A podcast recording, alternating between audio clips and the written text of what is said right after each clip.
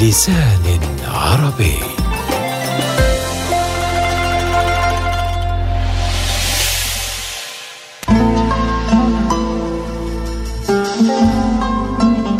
بين سوريا والعراق وتركيا ثمة ترابط جغرافي وتداخل اجتماعي ومصالح مشتركة. فضلا عن وحدة الإطارين الثقافي والحضاري بين تلك البلدان الثلاثة.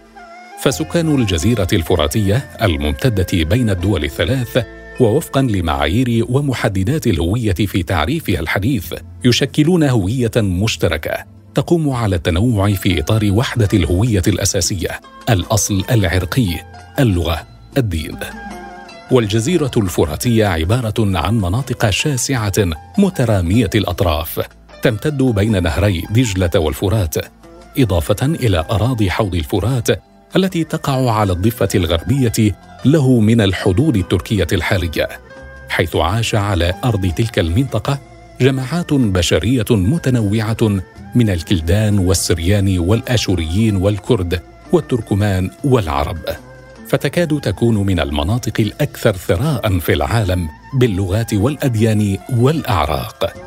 شكلت هذه المنطقة عبر التاريخ اقليما متجانسا محدد الملامح والحدود يتمدد أحيانا وينكمش في أحيان أخرى حسب تعاقب الإمبراطوريات والدول على هذه المنطقة. إلى أن انتهى بترسيم الحدود بين العراق وسوريا وتركيا الذي نتج بشكل أساسي عن اتفاقية سايكس بيكو عام 1916 لتقاسم المنطقة إبان انهيار الإمبراطورية العثمانية وما تلاها من معاهدات وما نتج عنها من تأسيس الدول الحديثة التي تقاسمت بلاد ما بين النهرين.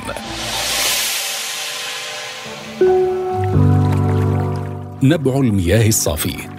هكذا تعني المحلمية كما يؤكد أهلها الذين نشأوا في منطقة طور عابدين قبل آلاف السنين. المحلمية أو بنو محلم هي قبيلة عربية كبيرة تتواجد جنوب جبل الطور وتقيم في منطقة سماها السريان باسمهم بيت محلم. والفرد محلمي وتلفظ بضم الميم وفتح الحاء وتشديد اللام. والمحلمي ينسب إلى محلم بن ذهل بن شيبان وكانت هذه القبيلة في بدايتها بطنا من بطون بني شيبان اندمجت مع باقي بطون هذه القبيلة بنو مرة بنو أبي ربيعة وبنو الحارث لتتشكل منها قبيلة بني شيبان الكبيرة.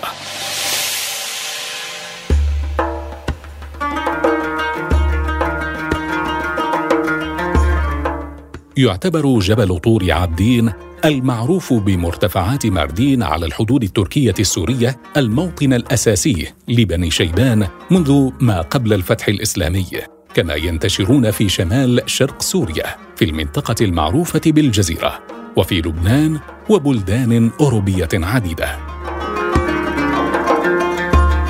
مرت أحداث أليمة على منطقة طور عابدين ألقت بظلالها على السكان هناك وتركت آثارا سلبية ما زالوا يعانون منها إلى اليوم ودفعتهم بالهجرة إلى أكثر من مكان.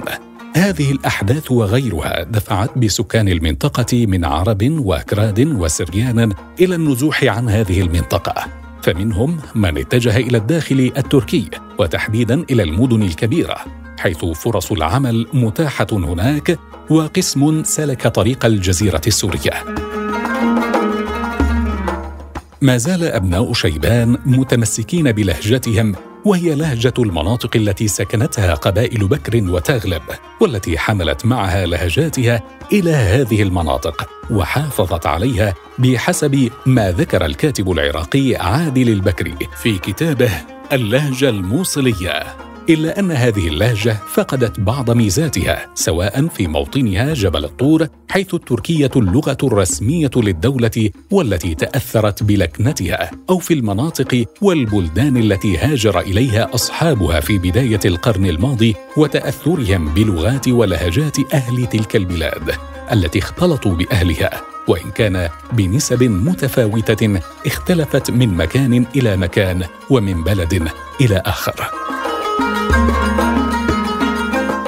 ففي مدينة القامشلي حاول أصحابها تحسينها بطريقة غريبة نوعا ما كقولهم في جيت أجيت وحذفهم النون من آخر الأفعال الخمسة كقولهم في تتروحون تلعبين تتروحوا تلعبي ونطقهم لحرف الاستفهام من مين. وتحديثهم للكثير من ألفاظها القديمة أو الغريبة لتصبح أكثر فهما عند من لا يتحدث بها من الآخرين. وكانت منطقة القامشلي من أكثر تلك المناطق التي تأثرت فيها اللهجة المحلمية نظرا لإقامة الكثير من المحلميين في قرى وحارات جمعتهم بالأكراد الذين يتكلمون اللغة الكردية وبلكنتها المختلفة عن اللغة العربية. وهكذا كان حال المسيحيين العرب الناطقين باللهجة ذاتها، وإن كان بوطأة أخف من المحلميين. بسبب إقامتهم في أماكن جمعتهم بمسيحيين يتحدثون اللغة السريانية وهي لغة سامية ذات لكنة قريبة من العربية وابتعادهم في الوقت ذاته عن أماكن تواجد المسلمين في كثير من الأحيان ما جعل لغتهم العربية بعيدة عن تأثير اللغة الكردية والعربية البدوية ولكناتها إلا من كانت منهم لغته الأساسية هي الكردية. وأما من نزح من هؤلاء الناطقين بها إلى حلب ولبنان فلقد استطاعوا أن يحافظوا عليها وعلى لكنتها في بداية نزوحهم وواصلوا التحدث بها فيما بينهم ولم يتخلوا عنها. ومن هاجر منهم إلى الموصل كان تأثير لهجة أهلها على لهجته أقل نظرا لجذرية اللهجتين والتقارب الكبير بينهما وخاصة أن لهما نفس الخواص ما جعلهم يحافظون عليها هناك وعلى لكنتها بشكل جيد.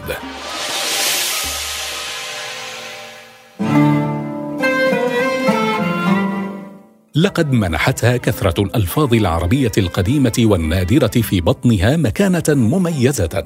جعلت الكثير من اللغويين يجرون عليها ابحاثا ويكتبون عنها. فقد أصدر الباحث اللغوي الألماني اورجن ساس في العام 1971 كتابا حمل اسمها بعنوان. اللهجة العربية المحلمية في قضاء ماردين. تبعه الباحث اللغوي الألماني البروفيسور أوتو جاسترو بأبحاث كثيرة عن اللهجات العربية. وخلص الاثنان إلى أن اللهجة المحلمية هي لهجة عربية قديمة وأكثرها قربا من الفصحى في هذا الزمان.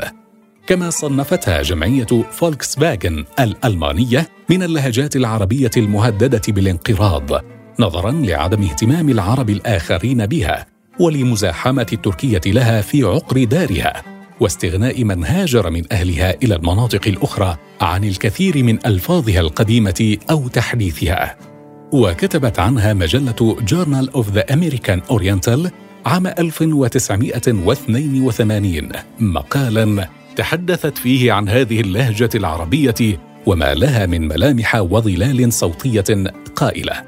وفي واحدة من اللهجات العربية التي يتحدث بها أهالي منطقة ماردين وتسمى اللهجة المحلمية والتي نجد فيها سلسلة من التوقفات والاحتكاكات والألحان الصوتية المتقطعة في كل ألفاظها دون وجود أحرف مفردة صامتة توكيدية. فيمكن القول أن اللهجة المحلمية لهجة عربية قديمة وأصيلة يتحدث بها عدد كبير من أبناء منطقة جبل الطور مسلمين ومسيحيين. ارتبطت بهم وارتبطوا بها وعرفت لدى الجميع في تلك المنطقة باللهجة المحلمية.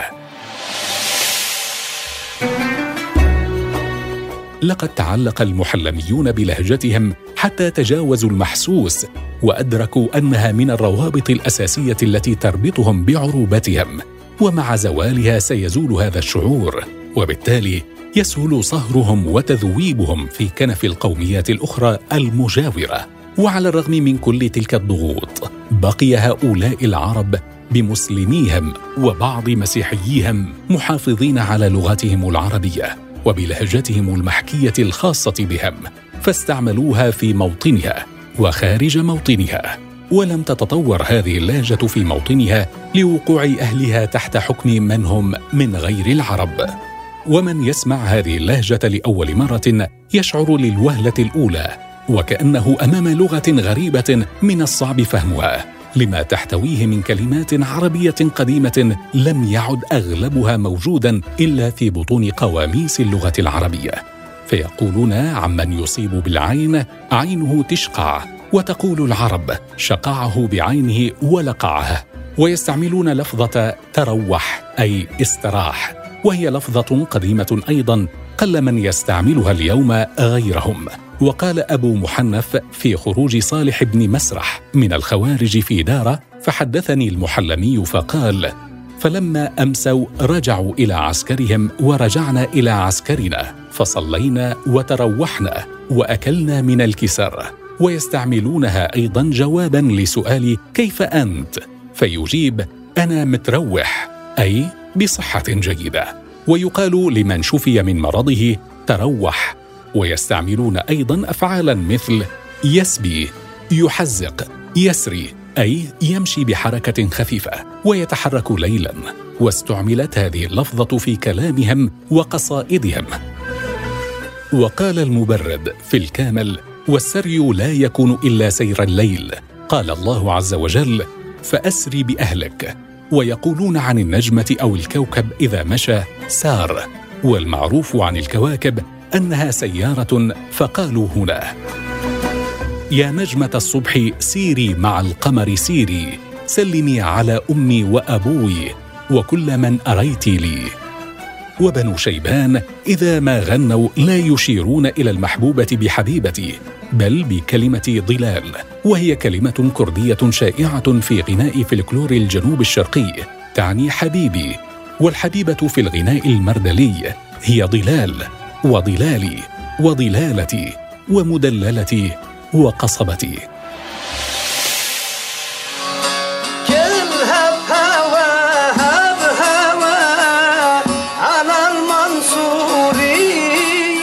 ورغم غناء أهل المدينة لحليمة وميمو وشوقو فإن معشوقة ماردين الأولى تبقى صبيحة التي يكاد اسمها أن يكون مرادفا للبلدة.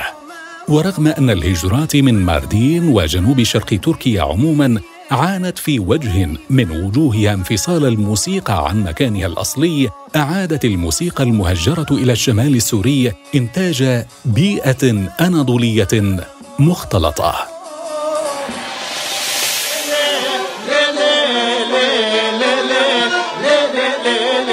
رابحه